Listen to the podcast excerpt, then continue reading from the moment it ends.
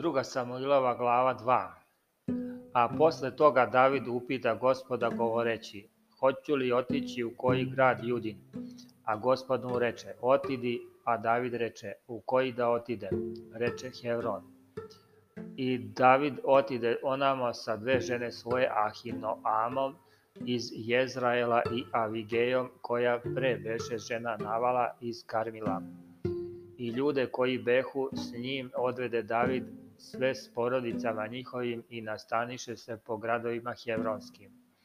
I dođoše mhm. ljudi od Jude i pomazaše onde Davida za cara nad domom Judinim i javiše Davidu govoreći, ljudi iz Javisa Galadovog pogreboše Saula. I David posla poslanike k ljudima u Javisu Galadovom i reče im, da se bl ste blagosloveni gospodu što učiniste milost gospodaru svom, Saulu i pogreboste ga. Zato da učini gospod vama milost i veru, a ja ću vam učiniti dobro što ste to učinili. I neka vam se ukrepe ruke i budite hrabri, jer Saul, gospodar vaš, pogibe, a dom Judin pomaza mene za cara nad sobom.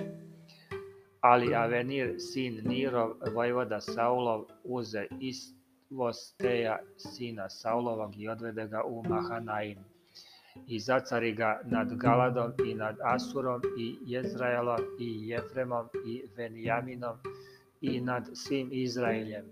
40 godina beše i svosteju sinu Saulovom, kad pođe carovati nad Izraeljem i carova dve godine, samo dom Judin držaše se Davida.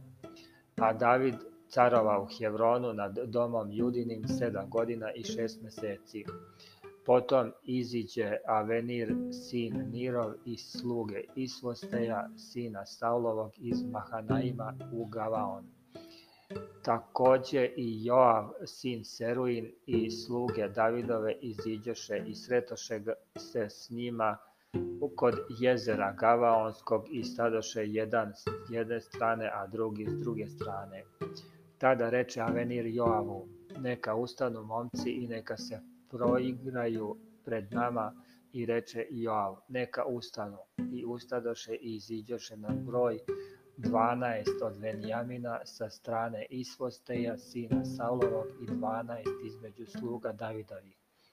I uhvatiše jedan drugog za glavu i tisnu jedan drugom mač svoj u bok i popadaše zajedno. Otuda se prozva ono mesto Halkat Asurim kod Gavaona i bi žestok boj onog dana i sluge Davidove razbiše Avenira i Izraelice. A onda behu tri sina Seruina, Joav i Avisaj i Asailo, a Asailo beše lak na nogu kao crna u polju. I potera Asailo Avenira i ne svrnu ni nadesno ni nalevo iza Avenira. I Avenir obazre se natrag i reče, jesi li ti Asailo?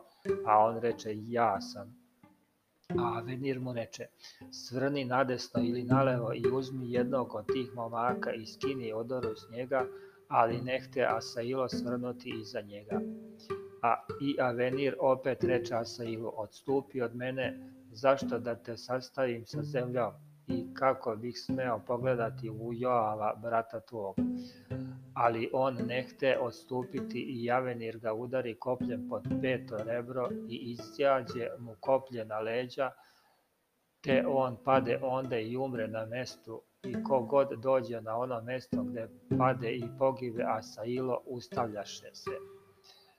Ali Joav javi se, poteraše Avenira i sunce zađe kad dođoše do brda Ame, koja je prema Giji, na putu u pustinju Gavalsku i skupiše se sinovi Benjaminovi za Avenirom, te se načini četa i stadoše na vrh jednog brda. I Avenir viknu Joava i reče, hoće li mač proždirati doveka? Ne znaš li da jadi bivaju na posledku? Zašto već ne kažeš narodu da se prođu braće svoje? A Joav reče, tako živ bio Bog da nisi kazao, narod bi još jutros otišao, nijedan ne bi terao brata svog. Tada zatrubi Joavu trubu i ustavi se sav narod i prestaše terati Izraelja i ne biše se više. I tako Avenir i ljudi njegovi idoše preko polja celu onu noć i pređoše preko Jordana i prošavši sav Vitron dođoše u Mahanaim a Joav se vrati od Avenira i kad skupi sav narod, ne beše od sluga Davidovih 19 ljudi i Asaila. Ali sluge Davidove pobiše sinove Venijaminovih, ljudi Avenirovih, 360 ljudi koji izgiboše a Asaila uzeše i pogreboše u grobu oca njegovo koji beše u Vitlejemu, I Joav i ljudi njegovi idoše svu noć i osanuše u Hevronu.